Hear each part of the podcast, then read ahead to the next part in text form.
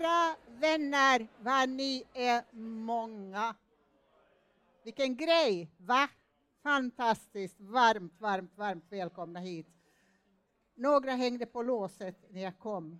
Då blir man pepp, för jag tänkte i det här vädret ger sig ingen ut. Hörni, bistra tider. Det är bistra tider och kronan har satt nya bottenrekord och det svider i plånboken. Eller hur? Samtidigt som många får dra åt svångremmen så har vi flest miljardärer per capita. Fortfarande stämmer den siffran eller? Jag har inte uppdaterat den 100 procent, men uh, vi ligger absolut i världstoppen. Uh, men vi är slagna av några så här uh, Monaco och Liechtenstein. Okay. Men, men, vi har inte ännu klart Monaco och Liechtenstein. Långt före Danmark i alla fall. Högst inkomstklyftor i Norden. Många rika, många fattiga. Och sen den här breda medelklassen med alldeles för stora bostadslån. Hur kunde det gå så här här i landet lagom? Känt för sin välfärd, känt för sin långvariga fred, känt för att vi är så himla förnuftiga. Välkomna hit Det är ett samtal som ska spänna mellan det här, mellan de allra rikaste och de allra fattigaste, utan att passera poolbyggande, belånad medelklass som borde ha vetat bättre. Nej, det är klart vi passerar den.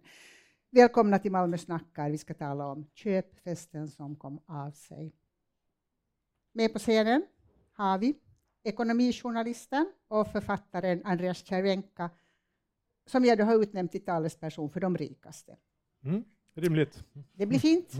Och så har vi författaren och Malmörösten Torbjörn Flykt eh, som i sitt knä har fått de typiskaste, tänkte jag.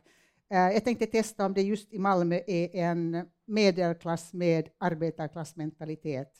En gissning, vi får se var du landar. Och här intill mig Tove Samselius som är forskare, lektor vid institutionen för socialt arbete och lärare på socionomprogrammet och masterprogrammet i socialt arbete som då fick bli språkrör för de fattigaste. Och pinsamt nog så har jag inte med mig Underdog som jag hade tänkt tala om. Jag, jag hittade den inte i min hylla för den är dåligt sorterad, men jag kan ju säga att IR i Sverige kommer vi att prata en del om, jag tror att ni känner igen den. Och sen boken Toves um, avhandling A Vicious Circle of Silent Exclusions finns ja. också här. Till jag hade ju naturligtvis kunnat ta med en om du hade bett ja, Om jag hade bett dig ja, om jag inte var så vimsig, sa Torbjörn på ett snällt sätt. Tack.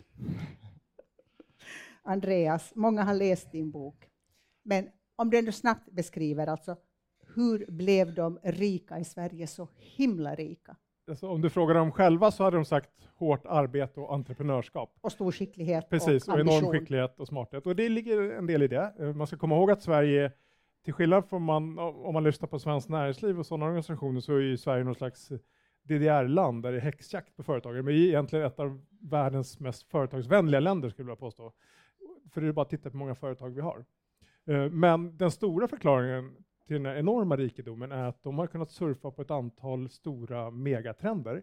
Några som är globala, några som är mer specifika för Sverige. Så att en stor del av förklaringen är att de har kunnat eh, dra nytta av en förmögenhetsöverföring som har skett de senaste 25-30 åren. Från de som inte äger till de som äger olika tillgångar. Eh, och det, det, hänger ihop på olika sätt. Dels eh, låg ränta, eh, Eh, som gör det väldigt billigt att låna och som får tillgångar att stiga i, i värde. Sen har svenska politiker spett på det genom skattepolitiken, där man tagit bort massa skatter på tillgångar. Förmögenhetsskatt, arvsskatt, gåvoskatt, fastighetsskatt, haft väldigt låg beskattning på att handla med aktier. Det är också en, en, typ av överföring. Och sen har vi i Sverige sålt ut väldigt mycket av våra gemensamma tillgångar. Gjort en marknad av, eh, av allmännyttan, av välfärden och skolan. Uh, så de tre trenderna har bidragit till det här. Var det någon som såg det komma? Var det här en planerad utveckling? Nej, men det är en bra fråga. Jag tror att här, om man hade haft en konferens, eh, jag vet inte om man skulle haft den på Bommersvik eller vad det skulle ha varit, men där man suttit med konjakskupen och tänkt hur ska vi öka klyftorna i Sverige? Vad, vad, behöver vi göra? Så jag tror det är svårt att lyckas mer än vad de har gjort. Eller hur det har blivit. Men jag tror inte att det finns någon stor konspiration, utan det är olika beslut som har fattats, som har eh, hakat i varandra Eh, och framförallt så tror jag att det handlar om att vi i Sverige har anammat någon slags syn där, där vi måste anpassa oss till liksom logiken på de finansiella marknaderna, för att vi är ett litet land. Och då kan man inte avvika, då måste man ha låg beskattning, man måste liksom locka entreprenörer och så. Och det har skapat bilden hos politikerna av att det finns bara en enda ekonomisk politik som är möjlig. Och den har då i Sverige, eh, där har vi drivit det ännu längre i många andra länder och gjort det extremt förmånligt att äga saker. Det har varit liksom spel mot ett mål, eh, för, som där vi har, vi har gjort saker för att gynna de som äger, särskilt de som äger tillgångar som de har köpt för lånade pengar.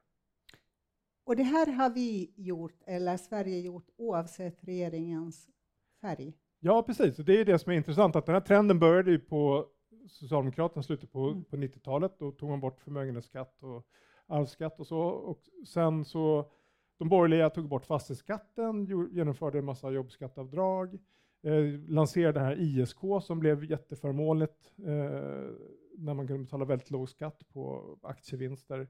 Och sen de senaste åtta åren, alltså under den rödgröna regeringen, så har man inte, inte höjt eller återtagit en enda skatt. Däremot sänkte man värnskatten för höginkomsttagarna. Så att eh, ut, man pratar med utländska journalister så ser de liksom ingen riktig skillnad den ekonomiska politiken. Man ska förklara, men vad är egentligen skillnaden mellan höger och vänster i Sverige? Det är väldigt svårt att liksom förklara. För att Hur går det om man, talar med, om man talar med inhemska journalister? Ser de någon skillnad? Nej, jag tror att problemet är också så här um, att det är mycket svårare att höja en skatt än att sänka den. Att sänka en skatt är jättelätt. Det är liksom, då blir alla glada. Eh, om man inför så här förmåner som RUT och ROT eller ISK, det är liksom, oh, vad, vad smidigt tycker man. Det är, det är jättesmidigt att det är så låg skatt. Ja, det, det smidigaste vore om det inte var någon skatt alls förstås. Det vore ju oerhört smidigt. Eh, men det kanske inte riktigt funkar. Men det är lite grann som om man är på ett barnkalas och ger en treåring eh, en påse godis och sen kommer man på att ah, det där blev lite mycket. Och så börjar man rycka i den här påsen. Då blir det ju dålig stämning. Och det är samma sak. Jag tror att den stora förklaringen är att man känner att man vinner inga val på att höja skatter. Eh, eller att komma med liksom, ta obekväma beslut att stoppa lånefesten och så vidare. Det, det tror jag är den enkla kalkylen. Men det som har hänt på en ganska kort tid här i närtid är att räntor har gått upp väldigt mycket. Det har blivit svårare att sälja många saker, fastigheter till exempel. Uh, aktier sågar mm. väldigt mycket, men, men det har i alla fall inte, som inte, det har inte gått upp på det här sättet längre. Vad händer med de här som är superrika och som du säger har köpt upp mycket också med lånade pengar, även om jag tror att de här balansräkningarna i stort sett i, mm. i styr. Alltså, eh, det beror på lite vilka man tittar på. Det finns några som är liksom ut, ut, kallar dem för liksom utpräglade lågräntefantomer, de som har vunnit mest på låga räntor. Det är framförallt fastighetsklipparna, de som har tagit jättemycket risker, en del av de här techbolagen, där är värderingarna då, så att de har ju blivit fattiga. Men jag gjorde faktiskt, eh, det kom en pocketupplaga av den här boken nyligen och då gjorde jag en uppdatering av de hundra rikaste i Sverige. Och det visade sig att de hade egentligen inte blivit, en del hade blivit mycket fattigare, men på totalen så hade de inte blivit särskilt mycket fattigare. Därför att alltså många, själva gruppen har inte Nej, blivit precis, fattigare. därför att många har ju också vunnit på det här. Jag menar, ta um, Antonia Axon Johnson som äger Axfood. Hon har blivit jättemycket rikare. Eh, de, familjen Lundin som håller på med olja, de har blivit mycket rikare. Och så vidare och så vidare. Så det, det, är liksom, en del har förlorat, men många har också uh, vunnit. Uh, och, och, en stor sak är att det har, det har, uppstått en ganska stor, den är inte stor i, i antal, men deras tillgångar är så stora, som inte, de är inte påverkade av konjunkturen överhuvudtaget, därför att de har redan så mycket pengar som de har redan sålt av eller sitter med. Uh, och där kan man ju se vilka aktier bolag är som går bra just nu. Inte bara i Sverige utan i världen. Det är liksom uh, lyxbolagen. De som säljer champagne, klockor, uh, alltså Hennessy, Moët, alla de här bolagen. De går jättebra. Därför att det finns en tillräckligt stor grupp som har jättemycket pengar och som inte ligger sömnlösa över någon bolåneränta eller, eller vad gurkan kostar. Men så finns det de som, som faktiskt ligger sömnlösa. Alltså, svenska hushåll knäar under skulder. Mm. Uh, vi är mest belånade per invånare i, i stort sett i hela EU. Jag tror att, mm. att Luxemburg och Danmark brukar ligga strax ovanför, eller i samma trakter i alla fall. Det här har pågått under flera decennier, uh, för att det var enkelt att få lån. Man har nästan liksom man har kastat pengar på folk och låga räntorna har gjort att det är billigt. Och dessutom så handlar vi på kredit. Hörde någon i morse på radio att folk inte ens vet att de handlar på kredit. Man handlar på kredit och mm. fattar inte mm. ens att det är det man sysslar med. Det vill säga man skuldsätter sig. Och så gick räntan upp och så sitter man i ränteknipan och i lyxfällan. Vad ska man göra åt det här? Ja, det är en bra fråga. Jag skrev faktiskt en kolumn, och det här är ju förstås lite tillspetsat, men att man kan dela upp Sveriges befolkning i tre grupper. Ett, samhällsbärarna, de rika, i alla fall deras egen självbild. Eh, två, de blåsta, det är medelklassen, som har då tagit på sig alla de här lånen. Och så tre, servicepersonal, eh, och, som är då eh, de som ska liksom få de här grupperna att må bra. Det, är, det här är ju liksom en, eh, eh, en lögn som vi har spridit i Sverige. Att eh, bostadspriser kan bara gå upp, räntan kommer alltid vara låg, det är riskfritt att eh, köpa aktier på börsen och så vidare. Och så den, jag kan tänka mig om man är ung vuxen och kommer ut idag så är man ju verkligen eh, besviken, skulle jag säga. Och jag frågade faktiskt Mikael Damberg då, när han var finansminister bara några dagar innan valet, vad säger du till en ung människa som har kanske köpt en jättedyr lägenhet i Stockholm och som redan har lån som är högre än värdet på lägenheten, vilket eh, tror jag förekommer. Ja, då sa han att man borde förstå att det kan gå ner också. Hmm. Um, och det är liksom någon variant på alla ska med. Jag skyller mm. själva, så enkelt är det. Jag vet inte om de kommer vinna valet på det, men, men uh, det här, den enkla förklaringen tror jag att, uh, att liksom belåna sig, det är en väldigt bekväm genväg till ekonomisk tillväxt. Och det är precis det som många länder i mm. Sydeuropa gjorde under, innan finanskrisen, man gjorde i USA, och vi har ju haft i, i Sverige, det finns en tumregel uh, som säger att liksom, utlåningen i banker borde vara ungefär, växa lika mycket som BNP. För då är det någon slags balans. I Sverige har den växt liksom mer än dubbelt eh, så mycket som BNP i 20 år. Är det bankernas fel? Vems fel Nej, är bankerna är, felet tror jag är eh, dels bankerna är de stora vinnarna förstås. Så här, det, det, är inte, det, är bara att titta på bankernas kvartalsrapport. Jag räknade ut bara här nu att liksom, vid millennieskiftet så tror att de fyra stora storbankerna gjorde en kanske vinst tillsammans på 20-25 miljarder. Och nu i år ska jag gissa på att det blir närmare 200. Mm. Så att den största försäljningsframgången i, i, Sverige i modern tid, det är pengar och lån. Den har ökat enormt snabbt. Så bankerna är den stora vinnarna och de är också vinnare därför att svenska politiker har varit väldigt dåliga på att reglera banker. Eh, det har varit en väldigt slapp eh, reglering jämfört med, med andra länder. Men sen är det också bekvämt för politiker att, att liksom, eh, för ekonomins, om man belånar sig hela tiden så ser ekonomin alltid ut att vara lite bättre än vad det i själva verket är. Fram till den dagen eh, då liksom lånefesten tar slut. Mm. Kan vi tala om den dagen? För vi som är tillräckligt gamla och var med på 90-talet, minst 90-talskrisen. Ingen tycks vara bekymrad över att 90-talskrisen kommer att gå igen just nu. Man säger alltid fast inte riktigt så och inte riktigt så. Varför det? Eh, jag tror en förklaring är att många av de som är liksom ute på marknaden, jobbar på finansmarknaden, jobbar som fastighetsmäklare, köper fastigheter, de är för, eh, för unga. De var inte med på 90-talskrisen. Eh, pratar de med liksom så här finansrävar så är de lite mer oroliga. Och det tror jag även gäller i politiska systemet. Det, är liksom, det, det sjunker inte riktigt in att det kan gå åt andra hållet. För jag brukar säga att det finns inget som nöter ner det kritiska tänkandet så effektivt som en väldigt lång period av liksom uppåtgående kurvor, stigande priser, stigande börs. För då vaggas man in i en så här, det här, den här gången är det annorlunda. Eh, och det, det, här började man prata om redan för 10-15 år sedan, att det här är inte hållbart. Men eftersom det bara fortsatte och fortsatte så blir den här kritiken till slut helt bortblåst och det blir en slags hjärntvätt. Där man, eh, och nu är vi den eh, uppvaknandet där tror många fortfarande inte har liksom förstått att det är en ny värld eh, som gäller. Det är väldigt märkligt med Sverige, för vi är ganska bra på att hantera externa kriser. Vi klarade oss bra i finanskrisen 2008. Pandemin klarade vi ekonomin bättre än många andra länder. Men vi är också experter på att göra våra egna kriser. För vi hade ju, vi hade ju faktiskt en 90-talskris som handlar om att vi lånade ut för mycket pengar, köpte bostäder och fastigheter för dyrt och sen kraschade det. Mm. Sen gjorde bankerna exakt samma sak, fast den här gången i Baltikum lånade ut för mycket, bostadspriserna steg för mycket, det kraschade. Vi ska vara väldigt tacksamma för att balterna inte var ganska generösa i att utkräva ansvar eh, mot Sverige. Um, hade de valt att devalvera så hade ett par av de svenska bankerna gått under. Och sen har vi kokat Eller vi hade fått rädda dem i bankakuten. Ja, men precis. Eh, och, och så har vi den här bubblan. Men det är ju en hel generation som kommer ut och ska Precis. köpa sin första Ja. bostad som är född efter den krisen. Exakt. Mm. precis. Som, Och inte mm. ha träffat på vare sig inflation eller ränta.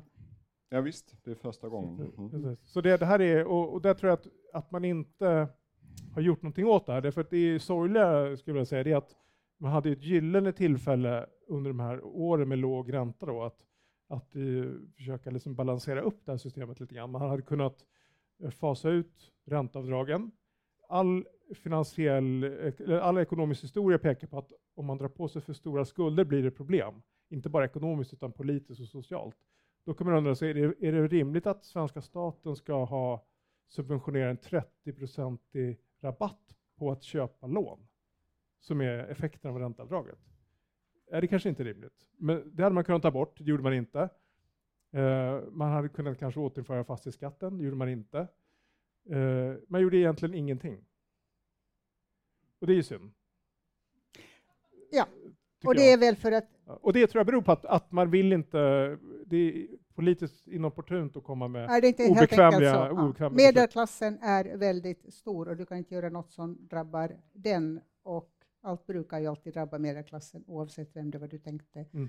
att skulle. Eh, publikfråga, är det lättare att få kredit och sms-lån med höga räntor i Sverige än andra EU-länder? Det här som många unga fastnar i. Är det någon som vet? Eh, jag kan på rak arm har jag inte koll på lagstiftning men i, i andra länder, men det är oerhört eh, lätt i Sverige och, och där har ju myndigheterna varit liksom otroligt tröga. Det är ju, alltså, det är bara en gång i min karriär som jag har ringt en myndighet och påpekat så här, det, det står fel i en av era rapporter. För de hade, Finansinspektionen släppte en rapport om såna här snabblåneföretag och då hade vi en tabell med olika räntor. Det var en kategori såna här snabb eh, sms-lån där den, eh, genomsnittsräntan var 107 820 procent. Mm. Du tänkte att det tänkte saknades det, det är tryckfel, så jag ringde så här, det är tryckfel i en rapport, bara så att ni vet. Nej, nej, den stämmer. Och det är också liksom helt lagligt.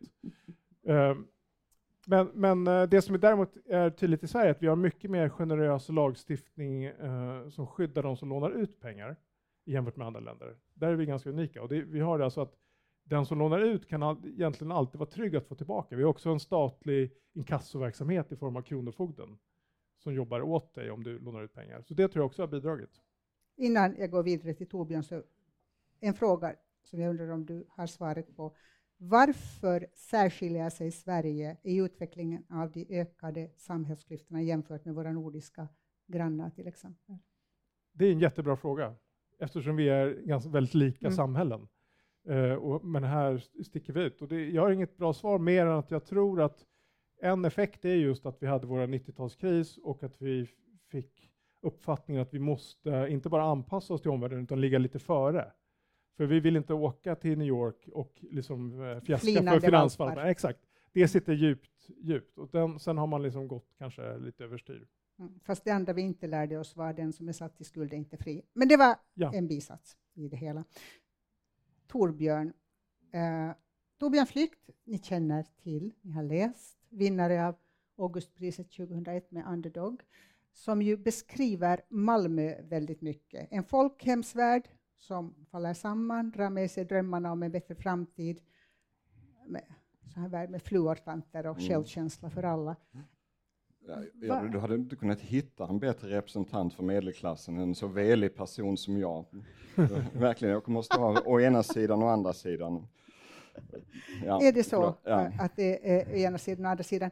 Vi, vi talar väldigt mycket om bilden av Sverige just nu, av en massa olika Mm. skäl, därför att bilden av Sverige drabbar oss. Men bilden av Malmö, Mm. du, du har funnits här, du har sett, du kan skildra den. Vad, har hänt med Malmö? Vad är Malmö för en plats just nu?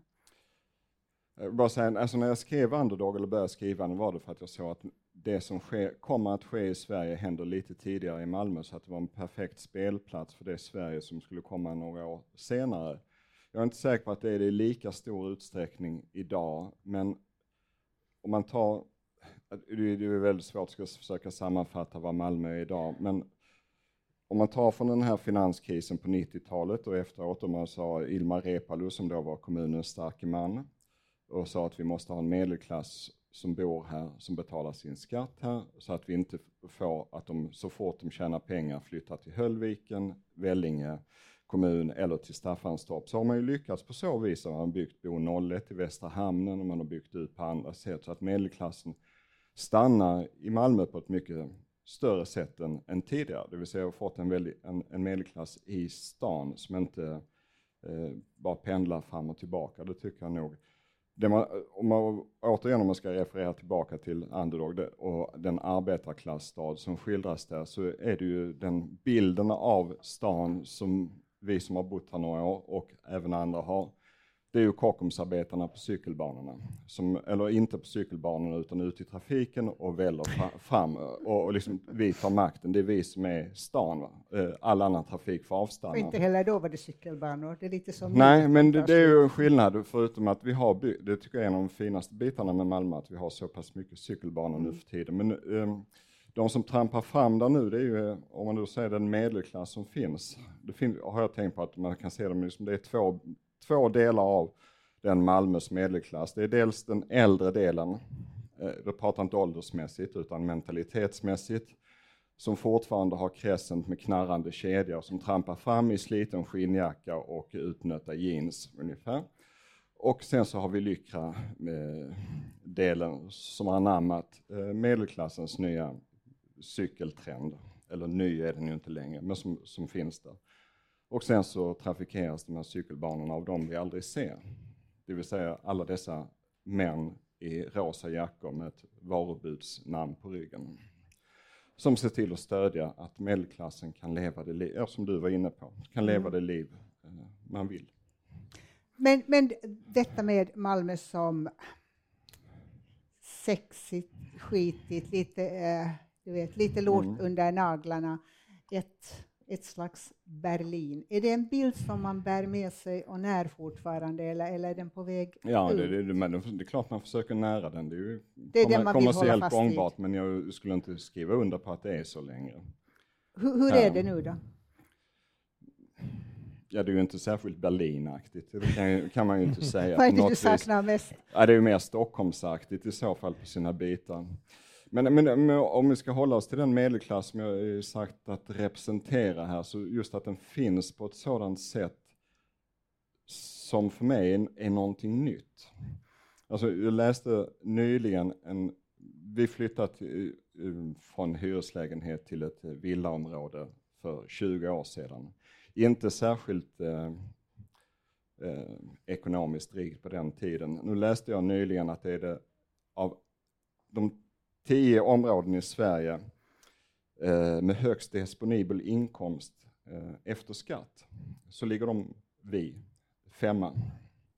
Och då pratar vi i övrigt de som ligger efter oss, alltså Djursholm, eh, bitar av Bromma och så här, de, de, som vi, alltså det är tio stadsdelar, en av dem är i Malmö. Före den de normalt ser. Nu måste du berätta brukar, för alla var du bor, för det, det här är så intressant. Ja, det är Nya Bellevue. Nya Bellevue. Som intar en sån position. Och jag och min fru har skämtat att om man flyttar vidare ifrån så kommer vi snabbt gå upp på tredje plats. men, men, och där ser man ju, liksom, det, den biten ett Malmö som inte fanns för 20 år sedan. De bodde de någon annanstans. Var bodde de då? Eller fanns de? Alltså... Ja, delvis fanns de ju inte, del, delvis så bodde de eh, eh hellre nere på, på Näset alltså Skanör, mm. Falsterbo, Vellinge kommun. Eller Lomma, Bjärred eller ja, mm. alltså kranskommuner helt enkelt. Men den här arbetarklassmentaliteten, är det så att Malmöbor fortfarande tror att det är så Malmöbor är? Nej, helt... det, är det, är det som är min poäng egentligen, även om jag kanske formulerade lite, Eller lite, äh, lite invecklat. Att, nej, jag tror inte det. Inte om vi ska generalisera och försöka hitta en majoritet, så, så tror jag faktiskt att man har en annan självbild idag.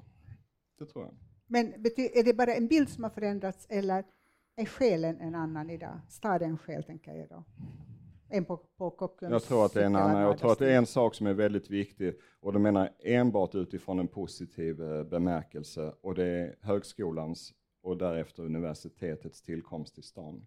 Betyder otroligt mycket för självkänsla, för stans självbild, för oss som bor här, för alla unga som kan välja att läsa här. Det ger också, en, eh, förutom en mentalitet, så ger det en helt annat uteliv, eh, som där vi befinner oss ikväll till exempel.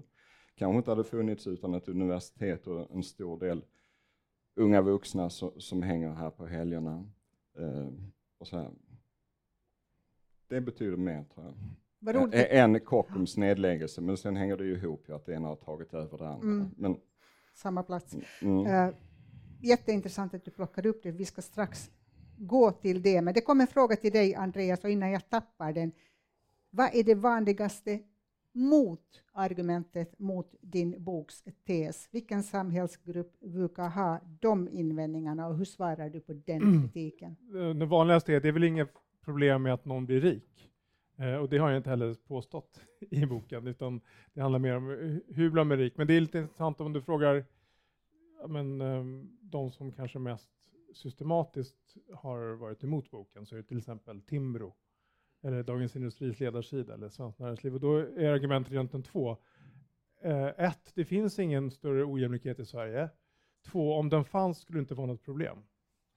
Eh, det är ungefär en sammanfattning. Och jag tror att det är väldigt det tillhör inte vår självbild att vi har ojämlikhet, eftersom vår självbild är fortfarande att vi är det här högskattelandet. Och det är intressant, så fort man diskuterar skatter i Sverige, det tar ungefär tio minuter innan de börjar prata om Astrid Lindgren och Pomperipossa-skatten.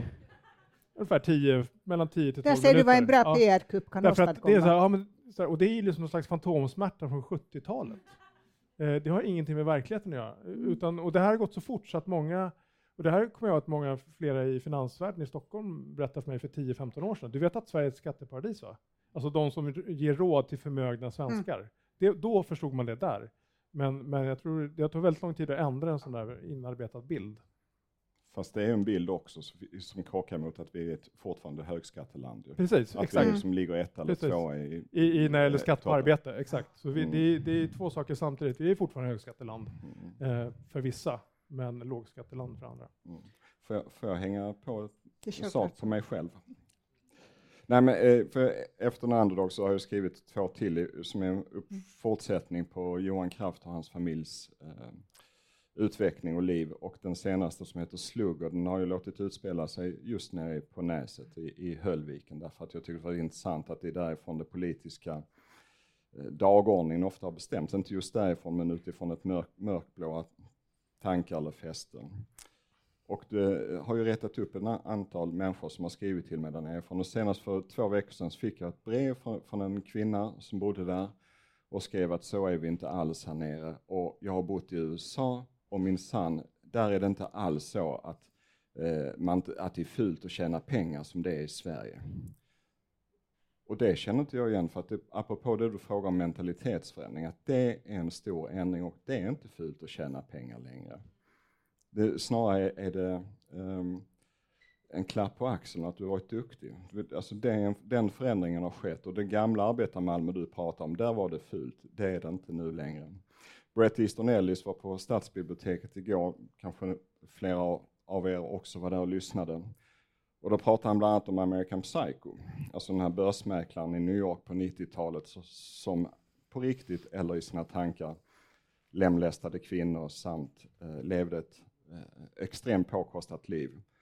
Och när vi läste den, som var, när, var, jag var 27 när den kom ut och läste den, då förfäras man ju över det. Och så sa han, nej men idag, de som är lika gamla och läser nu, de ser Patrick Bateman, huvudrollsinnehavare, eller som, som förebild. Det är också en mentalitetsförändring och det märker man även bland unga här, så då är inte det mordiska eller så, utan livsstilen som är ett föredöme för, för yngre idag. Det är ett skifte kan vi säga. Verkligen. Uh, Malmökommissionen, minns någon av er handen upp Malmökommissionen 2013? Många, många akademiker i salen också. Eh, skillnaden i medellivslängd är fyra och ett halvt år för kvinnor och fem och ett halvt år för män mellan olika stadsdelar i Malmö, var en av sakerna den sa. Skillnaden i återstående livslängd vid 30 års ålder mellan de med kort utbildning och lång utbildning, det är alltså före gymnasial och eftergymnasial, är 4,1 år för kvinnor och 6 år för män.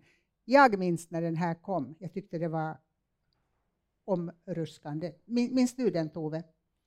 Jag kan ju säga att jag bodde faktiskt inte i Sverige när den kom, eh, men jag kom, jag kom tillbaka till Sverige efter att ha bott utomlands i över 20 år, eh, två år efter eh, Malmökommissionen. Men då, jag blev väldigt varse om den, för då började jag jobba för Rädda Barnen eh, och eh, ansvarade för deras arbete med barnfattigdomsfrågor. Eh, så då så, kom ju de, de sakerna upp. Som jag sa så är Tove forskare i i de här frågorna. Det blev väldigt slarvigt, men, men du har jobbat som praktiker, vilket du själv sa nu, socialt arbete i Storbritannien, i Bristol och i svenska civilsamhällesfrågor som forskar eh, på Malmö eh, universitet. Nu börja först bara så vi förstår detta med Bristol. Är Bristol och Malmö, talar vi om någonting som är likt med varandra? Är erfarenheterna användbara? Eh, det är två städer som är lika på varandra på så vis att det är hamnstäder. Eh, kanske eh, väldigt eh, mångkulturella hamnstäder. Det finns stora skillnader mellan fattiga och rika, kanske ännu större egentligen i Bristol än i Malmö, för i Malmö, precis som du sa, så har många bott utanför Malmö. Eh, I Bristol. Bristol är en stad som var präglad väldigt mycket av slavhandeln. Eh, och det Eh, så är det fortfarande, men det, finns, det har alltid funnits ett universitet som har byggts upp med pengar ifrån slavhandel och sen såklart då en och när du säger slavhandel så menar du det finns gamla pengar? Det finns massa gamla pengar, men tobaksindustrier, mycket mindre industrier, precis som här i Malmö också. Så, att, så att gans, ganska mycket likheter på så vis. Ja. Du har jobbat i Bristol med vad då? Berätta. Eh, jag jobbade i, i, många år för en eh, liten gräsrotsorganisation som var startad av och för ensamstående föräldrar. Eh, och mycket av vad det, vad det handlade om egentligen, det var att ja, men det, var, det var 80, startade på 80-talet, Margaret Thatcher, eh, det var en grupp som var otroligt stigmatiserad och också väldigt mycket förpassad till att leva i, i fattigdom eh, utanför samhället. Och den här gruppen av kvinnor var det på den tiden som, som tog tag i det här och sa att vi, vi har också rättigheter och våra barn har också rättigheter att, att leva ett, ett värdigt liv och vi förtjänar respekt eh, och bättre förutsättningar. Men istället då kanske för att vänta på att någon annan ska skapa de förutsättningarna så startade man en organisation eh, där man började arbeta med att stötta varandra, att bedriva politisk påverkan eh, och sen så blev det här en, en större, eh, en större organisation eh, där, och ett nätverk kan man väl säga som arbetade med de här frågorna på EU-nivå, eh, nationellt och, och lokalt. Eh, och jag var väldigt mycket involverad i alla de här olika aspekterna i tio års tid.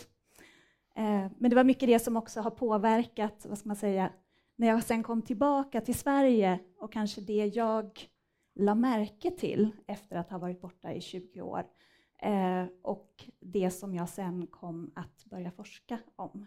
Vad la du märke till när du kom? Exakt. Beskriv dina känslor då, eller tankar. Jag, jag började jobba på, eh, på Rädda Barnen med de här barnfattigdomsrapporterna och med den bakgrunden som jag hade, det som jag kanske la märke till först, det var den stora skillnaden egentligen på risken för fattigdom eh, bland olika eh, barnhushåll i, i Sverige. Eh, hur många barnhushåll med en ensamstående förälder som, som levde eh, i fattigdom, ofta under en, en längre tid. Eh, så det blev jag, och, och då man jämför med eh, familjer med, med två föräldrar, att jag såg att det var väldigt, väldigt stora skillnader. Det blev jag nyfiken över. Eh, och sen fick jag i uppdrag också att titta på lite hur kan vi förstå de här siffrorna? Vad eh, den verkligheten som finns bakom de här siffrorna. Eh, och då tog jag fram ett underlag för Rädda Barnen eh, och ett förslag vi skulle göra fördjupningsstudier.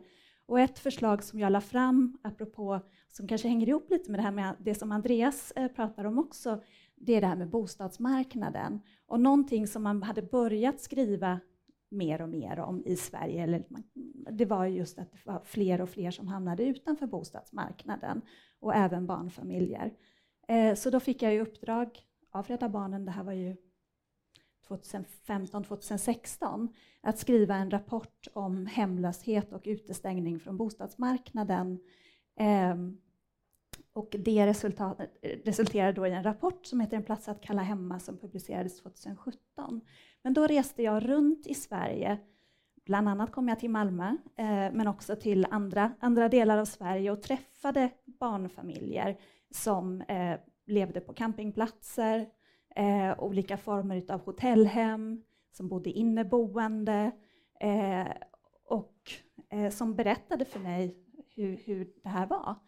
Ehm, och eh, då blev jag ännu mera, vad ska man säga, nyfiken, förundrad, jag ville förstå det här bättre. Eh, vad är det som gör att det finns barnfamiljer? Och då lade jag också märke till, kan jag säga, att majoriteten av de här familjerna var också ensamstående föräldrar, absolut majoriteten med en utländsk bakgrund, eh, som levde under de här förhållandena med sina barn. Eh, och det gjorde sen att jag eh, började forska eh, kring det här då, just för att jag ville, en rapport för Rädda Barnen, ja, man belyser saker på ett ganska enkelt sätt. Eh, det får ofta ganska mycket uppmärksamhet, men man kan inte djupdyka och analysera på det sättet som man kan göra som en, som en forskare. Eh, när du talar om, om de här familjer, ensamstående föräldrar, utländsk bakgrund och så är man hemlös. När blev man det? Är det, är det människor som har kommit hit och aldrig kommit in, aldrig fått ett hem? Var det människor som hade av någon anledning fallit ut ur systemet? Vad, vad är den generella bilden där? det, det är både och. Eh, det, det, är olika. Jag kan säga att sen i min avhandling då så följde jag Eh, det var i Stockholmsområdet, eh, som, som är ett, ett studiesyfte är det väldigt intressant, för det är olika kommuner. Eh, det är också kanske den mest extrema platsen när det gäller bostadsmarknaden. Ehm, och eh, då följde jag ett antal familjer eh, under eh, nästan två års tid, just för att förstå hur lever man när man inte får hjälp av samhället? Var, var befinner man sig? Hur rör man sig? Var, hur flyttar man runt? Och bland de familjerna så var det ju det, alla hade kommit hit innan 2015, så det var personer som hade varit här ibland, kanske 15 år. Eh, flera hade hamnat i de här situationerna på grund av skilsmässor, eh, på grund av våld i nära relationer. Eh, när man under en tid har varit på ett eh, skyddat boende ehm, så anses man inte längre ha ett akut eh, behov av stöd, vilket då gör att man förväntas eh, lösa sin boendesituation på egen hand. Eh, och för kvinnor som har hamnat i de situationerna så kan det vara otroligt svårt ofta. Eh, har man också haft, om man har jobbat så har man haft en osäker anställning som man kanske då inte har kunnat ha kvar. Mm. Eh, så att man har ekonomiska problem, man har barn man ska ta hand om. Eh, och eh, ja, och förväntas då lösa situationen på, på egen hand. Och det, det är svårt för, för människor som har en fast anställning att göra det, kan det vara. Eh, det är någonting man börjar prata om mer och mer också. Eh, just i, i Stockholm till exempel, hur svårt det är för, för eh, människor att skilja sig, mm. även bland den svenska medelklassen på grund av bostadssituationen. Eh, det här är i alla fall väldigt långt från den vanliga medelklassen, fast vi sa att man knäar under bostadsskulder. Det är väldigt, väldigt långt från de rika som, som Andreas har beskrivit. Det kommer en filosofisk fråga från publiken som jag tänker slänga in här innan vi fortsätter. En lägenhet på Borgmästaregården kostar 1975 kanske två månadslöner. Idag kostar den sju årslöner.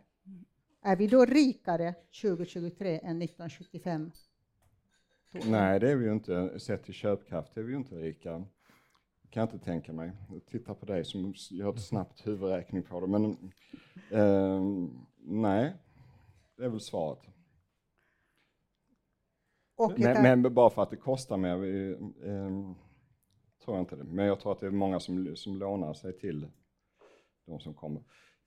Jag säger just Borgmästargården kan man ju säga att rätt många uh, förutom de som har försvunnit på naturlig väg, så är det ju rätt många som bor kvar fortfarande från, från den tiden. Och de som kommer till är ofta de som kommer från Balkan på 90-talet, mm. som har etablerat sig i samhället och haft råd att börja köpa sig in, som det heter, på bostadsmarknaden och börja där eh, och sedan tar väl sig vidare för att man ska ju göra en så kallad bostadskarriär.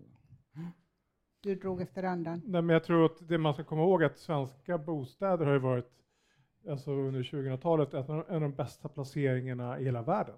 Mm. Säkert eftersom man köper det med lånade pengar och ökar liksom avkastningen då, som man pratar om finansiella Och det, där, där bidrar ju förstås till inflyttning därför att under många år så tjänar man ju mycket mer i värdestegring än vad de allra, allra flesta drog in i lön. Eh, så det var liksom ett själv, en, en eh, så kallad no-brainer att flytta till Stockholm därför att då kunde du bygga upp den här miljonförmögenheten. Nu, och det, det skapade ju en frihet hos många, många i medelklassen har ju på pappret flera miljoner. Eh, men nu är det, har det blivit ett skuldfängelse kan man säga. Mm. Eftersom man kan inte sälja. Man sitter med de här jätte, jättehöga lånen som inte kändes så jobbiga bara för två år sedan men nu mm. äter upp stor del av lönen. Eh, och nu, nu, är det inte lika, lika roligt. Och de här papperspengarna man hade, de kan man ju då inte använda. Nej. Eh. Och det faktum att Stockholm därmed också blir, börjar bli en av de här storstäderna som inte riktigt kan fungera eftersom människor som jobbar i offentlig sektor, i tjänstesektor, inte har råd att bo där. Det kan vi ta på nästa seminarium, men det är också en mm. intressant mm. utveckling eh, i detta. Jag skickar en fråga till, den är riktad till dig Andreas.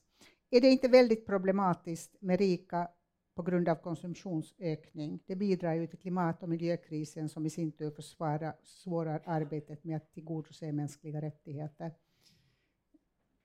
Eh, ja, det är relevant eh, invändning, men är, man vet ju att de rika står för en helt oproportionerlig eh, stor del av alla utsläpp. men bara de som flyger privatjet släpper ut liksom för många, många tusen människors utsläpp. Men jag tror också bidrar, det kom faktiskt en intressant forskningsrapport för ett halvår sedan eh, som visade på att en förklaring till att inflationen hänger kvar är just ökade ojämlikheten, att det finns de här stora grupperna som fortsätter konsumera egentligen oavsett konjunktur. Eh, och, och, det liksom håller uppe priserna på en, ganska breda typer av tjänster och, och varor. Mm. Så det är, en potentiell förklaring till att inflationen har hängt sig kvar i Sverige. Här var några frågor till som är lite på samma tema om klimat och rika och sånt, men jag, jag tror vi det spårar för långt åt sidan att gå in på dem alla, så jag kommer till dig istället Tove. Skulle du kunna säga att det är en olycklig slump att den här fattigdomen drabbar mycket utrikesfödda, eller är det ett uttryck för rasism i politiken?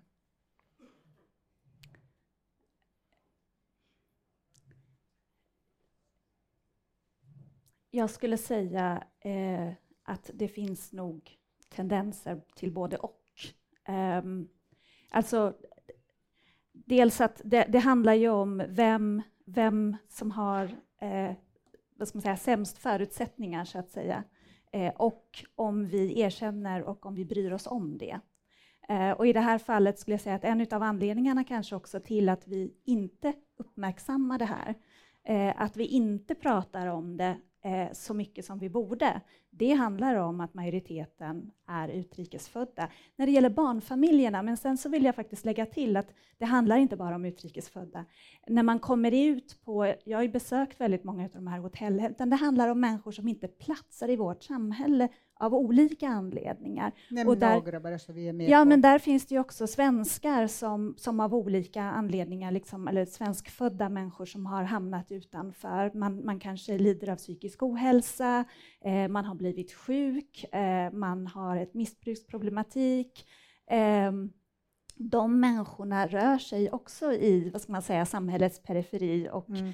Eh, drabbas också utav eh, liknande problematik. Skillnaden är kanske då att det, det, är fler familjer som har barn som har en utrikes bakgrund och som befinner sig på de här platserna. Okay. En ehm. fråga direkt till det är att du säger ensamstående föräldrar, men du mm. menar ensamstående mammor och sen lite polemiskt. Varför fortsätta kalla dem just ensamstående föräldrar om det är en så tydlig jämställdhetsfråga? jag pratar, jag pratar ju, det, jag kanske sa ensamstående föräldrar nu, jag kan ju säga att eh, jag pratar specifikt om ensamstående mammor i min avhandling. Ja.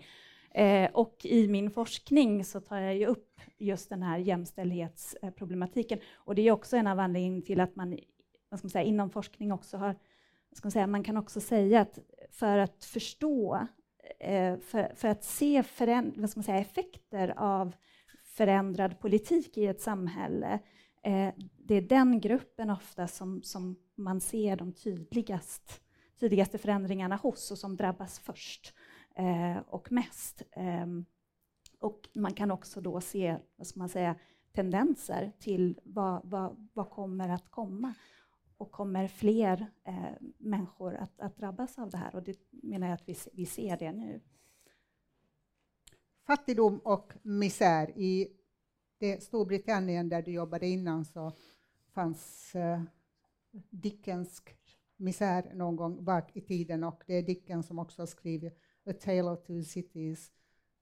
Det går att vända på och tala om Malmö. Uh, two Tales of One City visar det som var tillväxtkommissionen. Den kom i våras, inte lika uppmärksammad som Malmökommissionen.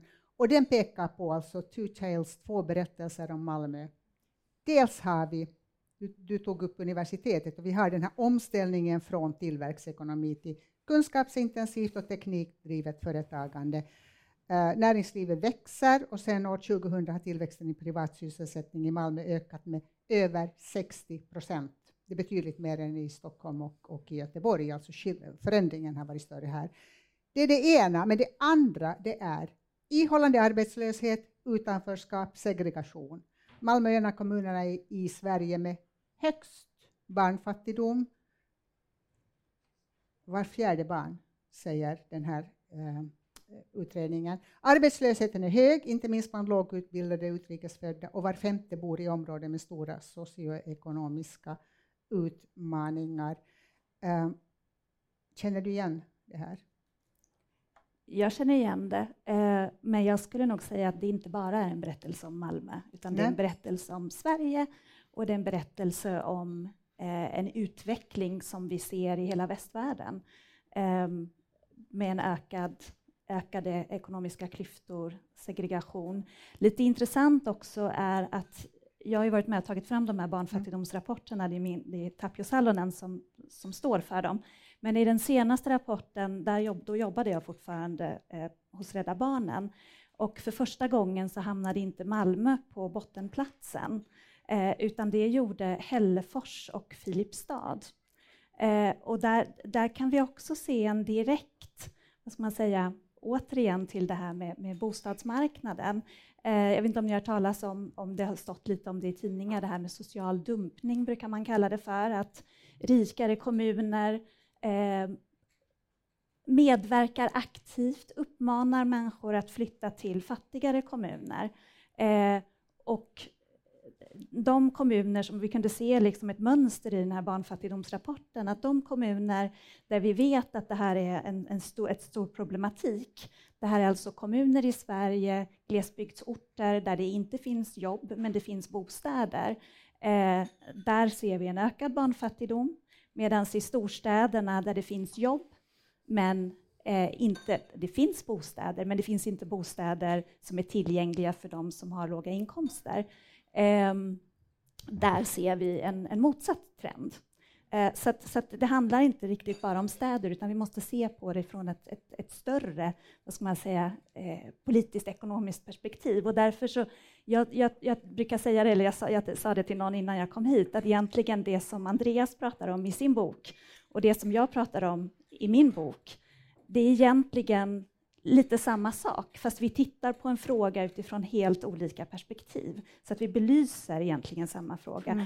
Och det, det som jag också försöker att göra, det man kan göra som forskare, det är ju inte bara att prata om människors erfarenheter, utan jag ställer frågan, vad säger de här erfarenheterna om välfärdslandet Sverige? Eh, och hur kan vi förstå det i den här större, vad ska man säga, ekonomiska kontexten också, som ju påverkar människors möjlighet då att, till valfrihet till exempel. Så att, eh, samtidigt som då eh, eh, ideologiskt så har vi pratat väldigt mycket om att människor ska ha rätt att välja. Um, och, och, vissa människor, de som har mest, kan välja precis vad de vill och de som har minst kan i stort sett inte välja någonting, inte ens idag var, vilken, vilken stad man vill bo i eller var man, man ska eh, Låt oss hålla oss barn. lite kring, kring de här frågorna. Uh, det starka, den starka staten kanske, det stark offentlig sektor eller dess motsats. Uh, det finns en del olika frågor här. Allmännyttan måste enligt lag numera verka under affärsmässiga principer för att inte konkurrera med privata fastighetsägare vad innebär det ständiga kravet på konkurrens överallt? Vem slänger sig på frågan? Det är kanske är en fråga till dig. Eller kanske till ekonomijournalisten. Jag kan, jag kan börja, Janne. ja. Jag tror att det har ganska mycket, för det, det, det, det som har hänt är att vi kan kalla det för en finansifiering av hela samhället, mm. där vi, allting styrs efter, utifrån finansiella aspekter. Jag menar, till och med Samhall har, har ekonomiska mål och det har ju kommit många exempel på att Samhall numera har, har liksom, um, konkurrerat, tagit in människor som inte har några uh, funktionsnedsättningar eller funktionsvariationer för, för att, att konkurrera på den öppna marknaden. Och det är väl bara det kanske mest absurda exemplet, men det finns väldigt, väldigt många uh, sådana. Och det är att vi har gjort allting till en, till en handelsvara. Och jag tycker det är väldigt slående just det här med bostadsmarknaden, att de här problemområdena som vi pratar om, eh, Eh, där är ju många spekulanter som har tjänat miljarder. Alltså att, att vara slumlord i Sverige har ju varit en fantastisk affär de senaste 20 åren. Att köpa hyresbostäder, eh, renovera enskilda eh, lägenheter eh, och sen belåna upp och sälja vidare. Utan att, utan att områdena i sig har rustats upp. Och det är, det är klart att det här är ju pengar som då har sugits ut egentligen ur det allmänna. Eh, kan man säga. Det är pengar som inte har kommit eh, området till del, inte kommit kommunen till del, inte kommit det allmänna till del. Det har inte, i alla fall inte förbättrat situationen. Samtidigt som man har väldigt, väldigt starka åsikter emot social housing för att det skulle vara segregerande, för att det skulle slå ut och sånt, så menar du att det slår ut i alla fall, fast marknadsvägen? Eh, ja, mark, alltså konsekvensen av den bostadspolitik vi har haft och eh, liksom bankpolitik är ju en extrem eh, segregering eh, i, i hela spektrat också. Det är inte bara segregering att liksom fattiga rika, utan inom grupper. Jag menar på Södermalm där jag bodde innan jag flyttade hit, där eh, eh, kanske liksom flyttade in poliser och lärare, men det är absolut inga poliser som flyttar in nu. Eh, eller um, kulturarbetare eller så vidare, utan det är ju finans, IT och sådär. Så att, och så är det är hela så här socioekonomisk rensning där vi liksom får extrem, hom, extremt homogena områden uh, i, över hela Sverige i storstäderna. Och det är ju direkt kopplat till uh, bostadspriserna. Och det, jag kan bara säga att, vad ska man säga, det finns, jag skulle, jag skulle säga att det finns en övertro på att eh, marknaden skulle kunna lösa vissa, eh, vissa behov. Och i, synner, i synnerhet då, då, till exempel behovet av, av ett boende. Eh, vi kan se att marknaden har inte lyckats lösa det.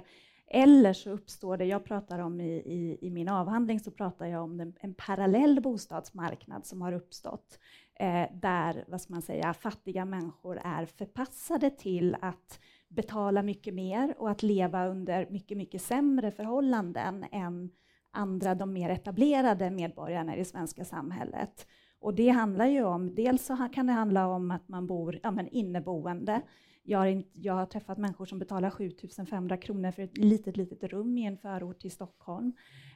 Um, det kan handla om eh, folk som hyr garderober um, för när man bor med sina barn.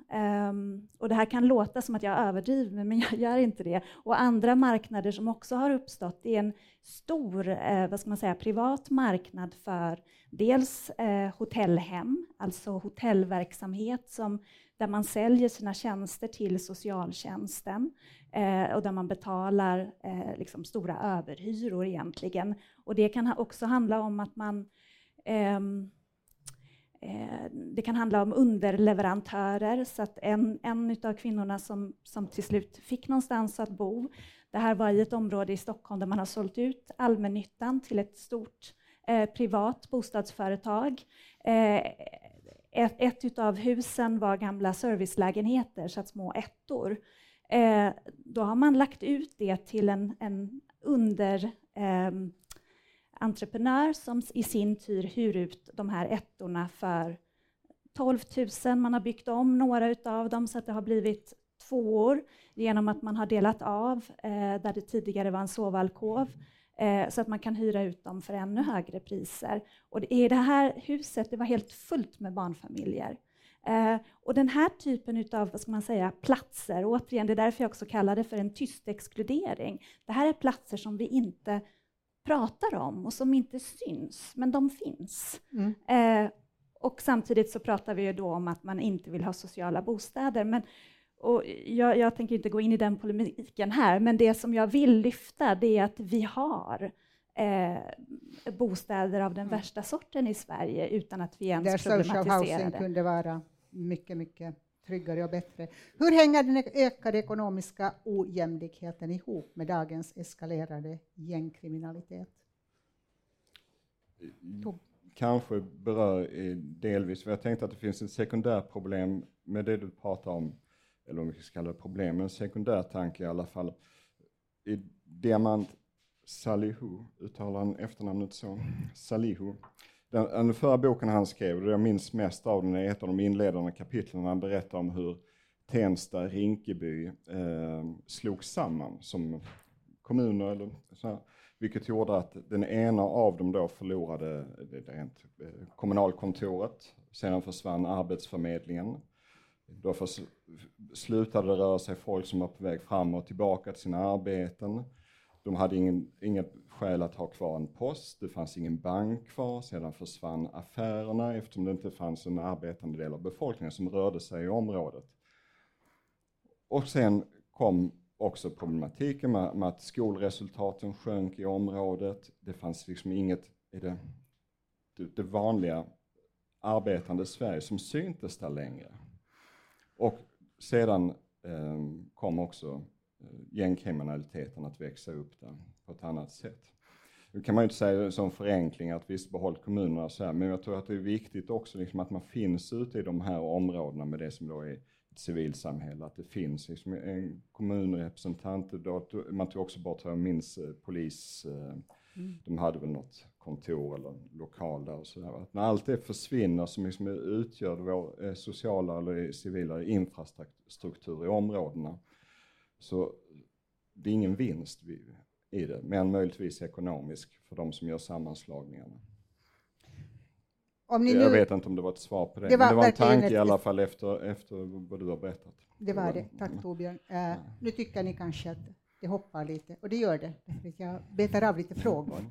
En av dem är väldigt old school, jag ska försöka läsa. Uh, hade Sverige klarat inflation uh, i förestående lågkonjunktur bättre med ett större offentligt ägande. Det står inte vad det offentliga ägandet skulle bestå av, men skulle ett större offentligt ägande vara inflationsdämpande, tänker jag.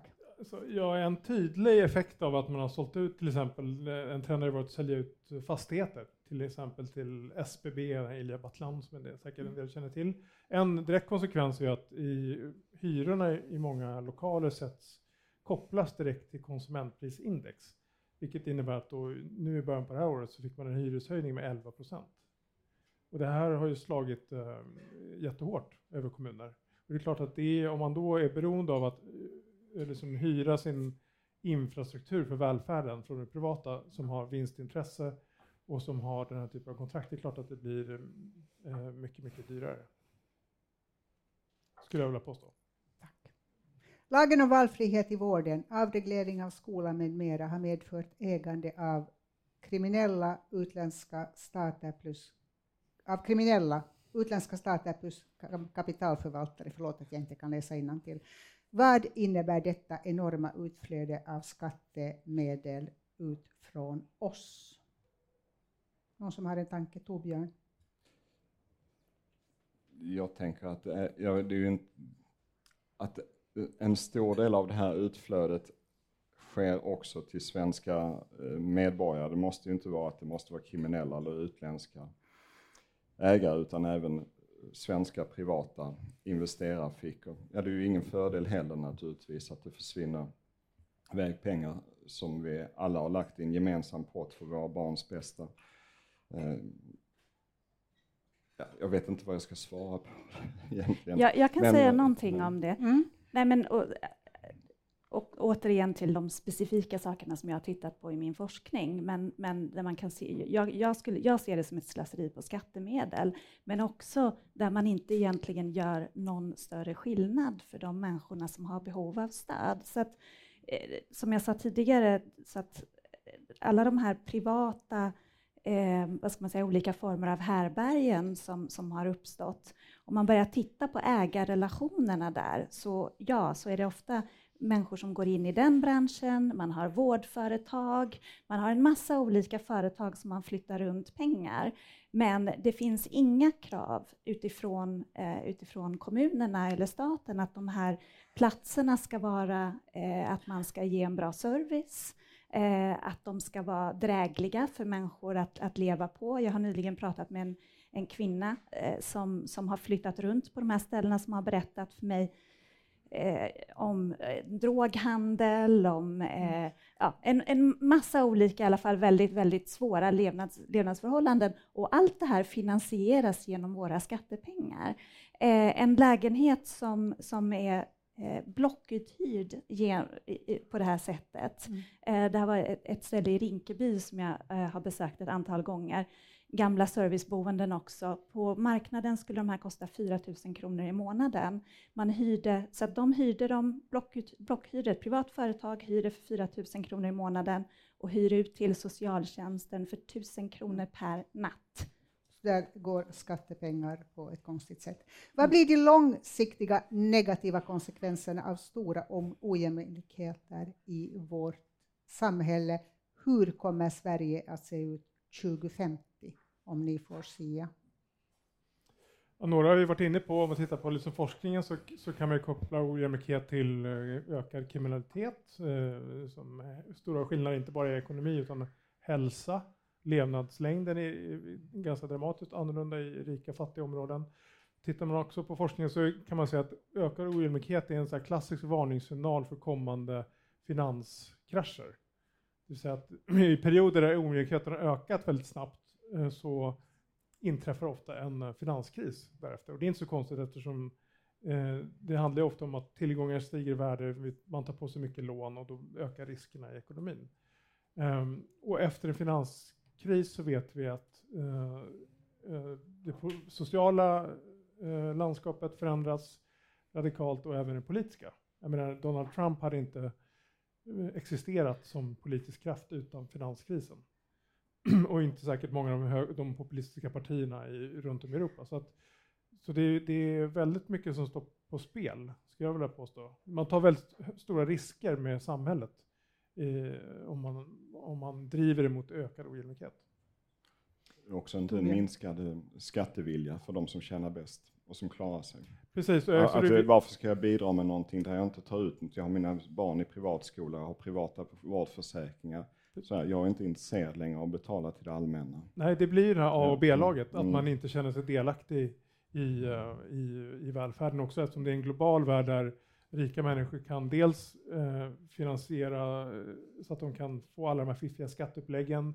Men det är rätt många som fly, flyttar, om man undrar varför så många kändisar som flyttar till Mallorca, så beror det på att där kan man under några år ta ut skatt, eh, väldigt låg skatt, vinster i bolag och så vidare.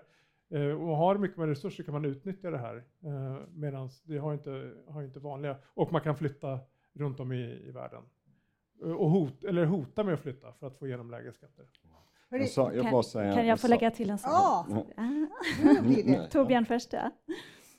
Nej, det, det kan låta som att det är av anekdotisk karaktär, men jag tycker det är lite allvarligare ändå. För jag läste nyligen att alltså, medellivslängden, eller läng- medellängden för oss som invånare ökar överallt i världen, i alla länder, utom i USA. Mm.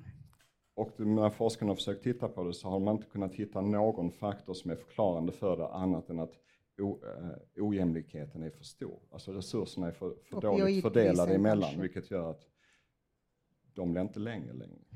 Nej. Jag skulle bara, Eh, så att det som jag har försökt att göra egentligen, det är att eh, lyfta, okej, vad, vad, vad säger de som är drabbade av det här, de som har det allra svårast? Och en sak som var väldigt, som kom fram hela tiden i många av de intervjuerna och samtalen som jag har haft, det är just att man, man inte bara pratade om sig själv och sin egen situation och ens barns situation, utan att man pratade om Sverige som samhälle. Eh, jag inleder faktiskt hela den här boken med ett citat eh, ifrån en mamma som säger eh, att hon, ja, vi vet hur vi lever, eh, det är många som befinner sig i samma situation, men om vi är tysta så tror jag att det är farligt för hela landet. Någon måste säga någonting och det är därför jag pratar. Någon måste prata, sanningen måste komma fram. Människor måste veta vad som pågår, vad som händer med oss. Om det fortsätter på det här sättet så handlar det inte bara om oss, utan det är inte bra för Sverige som land. Och, och en sak som, och det finns massa sådana citat och analyser faktiskt här som, som är gjorda utav ja, människor som själva är drabbade av det här. Eh, och, och en sak som jag skriver om på slutet, och det, det, det är inte ett begrepp som jag har hittat på, utan det är några eh, brittiska forskare, eh, där man pratar just om relationella sår. Att vad som händer när vi, när vi lever så, så separat från varandra, när vi inte längre förstår varandras livsvillkor, vi möts inte, eh, människor avhumaniseras. Det skapar, så de människor som känner sig avhumaniserade, eh, mellan olika grupper i, människor, eh, i samhället så uppstår det relationella sår, vilket gör att vi inte längre kan varken förstå varandra eller bry oss om varandra. Och då är det riktigt farligt för ett samhälle. Det är intressant. Sverige och särskilt Stockholm är väldigt, väldigt segregerat. Det finns inga likheter mellan de som bor på Östermalm och de som bor i Skärholmen. Men Nej. det finns en plats där de här eh, träffas. De allra, allra rikaste och de som är längst, längst ner, som är kriminella. Det är på NK. Mm. Eh, för där tittar de på samma kläder Mm. och vill köpa samma märken. De tittar på samma klockor. Eh, Så länge NK accepterar kontanter. Precis, och nu vill man ju få bort kontanterna för att få bort de kriminella. Men man måste ställa sig frågan, vad är det som gör att, att eh, de... Det var ju någon eh, 15-åring som blev misstänkt för att skjuta den här 16-åringen i Skogås. Han hade fått 100 000 för det här och det första han gjorde var att åka till NK och köpa en Jacka. Och en jacka. Eh, innan vi slutar, kan ni rekommendera poddar, böcker etc. för att lära sig mer om detta? Och då kan vi ju säga att eh, böcker som, som vi har haft uppe här är naturligtvis ett sätt, men ditt bästa tips? Jag vill eh, pusha för eh, Parallellsamhället som är en ganska nystartad podd som bland annat drivs av hela Malmö. Och Nicolas Lunava som är säkert Mm. många av er känner till, som kom med en bok i år och en annan bok häromåret. Parallellsamhället. Andreas tog du munnen på mig. Alltså jag tycker också att Nicks böcker är, är ögonöppnande läsning, Eh, men jag antar att de flesta redan känner till dem eller har läst dem. Börjar fundera på böcker, ska det vara akademiska böcker eller mer populärvetenskapliga? Jag tror att vi har en väldigt blandad publik, så du kan ta det du tycker är väldigt viktigt. När det gäller ett helt annat ett perspektiv så tyckte jag eh, Faiza Idle som har skrivit en bok inifrån ehm, sina erfarenheter ifrån Tensta och som syster eh, i, säga, till eh, personer som är involverade i gängkriminalitet tycker jag var väldigt, väldigt bra. Um, därför att de beskriver en komplexitet eh, på ett sätt som jag inte har sett någon annan ha gjort. Ehm, och akademiska böcker, ja, jag, min egen avhandling rekommenderar jag såklart. Ehm, men, eh, men också just kring, kring fattigdom eh, så, så rekommenderar jag faktiskt framförallt egentligen en hel del brittiska forskare som skriver om, det finns en forskare som heter Ruth Lister som har skrivit jättemycket om fattigdom, eh, just för att förstå vad ska man säga, olika dimensioner och inte bara prata om det utifrån ett ekonomiskt perspektiv, utan som också belyser just det här relationella, det symboliska. Eh, vad gör det med människor och vad gör det med samhällen när Eh, eh, människor tvingas leva under de här förhållandena? Nu hade vi ju inte tänkt att vi skulle lösa något världsproblem här, utan skicka med det till er som är smarta och eh, inspirera där, men du pekar på, om vi fortsätter i den här takten, det du pekade på nyss Andreas var, det brukar ofta vara tecken på en krasch, ökad ojämlikhet leder till en finansiell krasch. Det drabbar alltid alla. Det är inte bara de rika, de som satt på, på rikedomarna som, som drabbas, för då är det hela samhället som är med och betalar. Det, drabbas all, det drabbar alltid de som det sämst hårdast. hårdast. Och den, det relationella som du beskriver här är ju också något som vi kanske inte mäter det i pengar, men vi kan ju säga att det gör allas vårt samhälle oerhört mycket sämre, allas vår vardag oerhört mycket sämre. Så någon borde göra något. Om någon nu har ett jättebra tips på vad som borde göras som går att ta på två minuter så tycker jag ni ska säga det. Ja, men jag tror att är, man måste titta på vad gör de som går före, de som ska leda landet. De skickar en väldigt tydlig signal att det, allting handlar om att skaffa så mycket pengar som möjligt.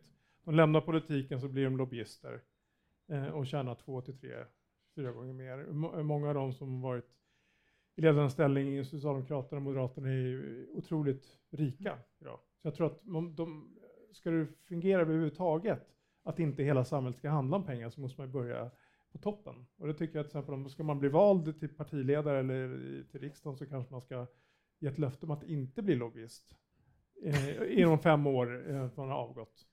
Eh, det är väl ett minimikrav tycker jag. Torbjörn, en tanke? Nej, jag tänker på att inför det senaste valet så fanns det ett, ett rejält förslag, alltså ett riktigt förslag på Socialdemokraternas bord in, att man skulle gå ut med ett vallöfte om att under den närmaste mandatperioden eh, tillsätta 10 000 tjänster inom, inom eh, soci, alltså, socialsekreterare, inom fritidspersonal, välfärden. välfärden på olika sätt i områden som, är, alltså, som behöver hjälp på ett annat vis. Det valde man till slut, nej, det kan vi inte gå till val på därför att det som Andreas sa i början, ingen vill höra talas om högre skatter. För klart, någonstans måste ju man ta pengarna om man inte då, eh, på den imaginära tryckpressen trycker upp pengarna. Jag, jag, tycker det är nästan skandalöst att man kan ha ett så vast eh, utarbetat förslag och sedan inte ens våga pröva det i realiteten. Därför, mm. Vem ska göra vad? Vem ska göra vad? Eh, jag tycker att man, eller vad jag ser ett behov av är att vi behöver ha, vad ska man säga, ett etiskt samtal om vår samtid. Eh, vi behöver ställa oss frågor kring vad är rimligt? Eh, dels när det gäller hur människor förväntas bo, eh, men också vad är rimligt när det gäller vilken typ av krav vi ska ställa på människor som har det allra svårast. Ehm, och, och, och, och, titta mycket mer på, på detaljerna, lyssna på dem som faktiskt jobbar med de här frågorna. Eh, en del av min senare forskning här, inte den, den som jag pratade om nu, eh, har, där har jag intervjuat just välfärdsarbetare som, som möter eh, de här människorna. Och de ser mycket. Vi behöver lyssna mycket mer på de som, som ser verkligheten. Och ta in kunskapen. Hörni, ja. ni har varit underbara. Det kom jättemånga frågor. Jag betat av så många. Det har gått. En del kändes som att de inte var exakt hemma i den här diskussionen. De har jag letat bort. Andreas Cervenka, Torbjörn Flykt, Tove Samselius. Stort tack. Tack. tack.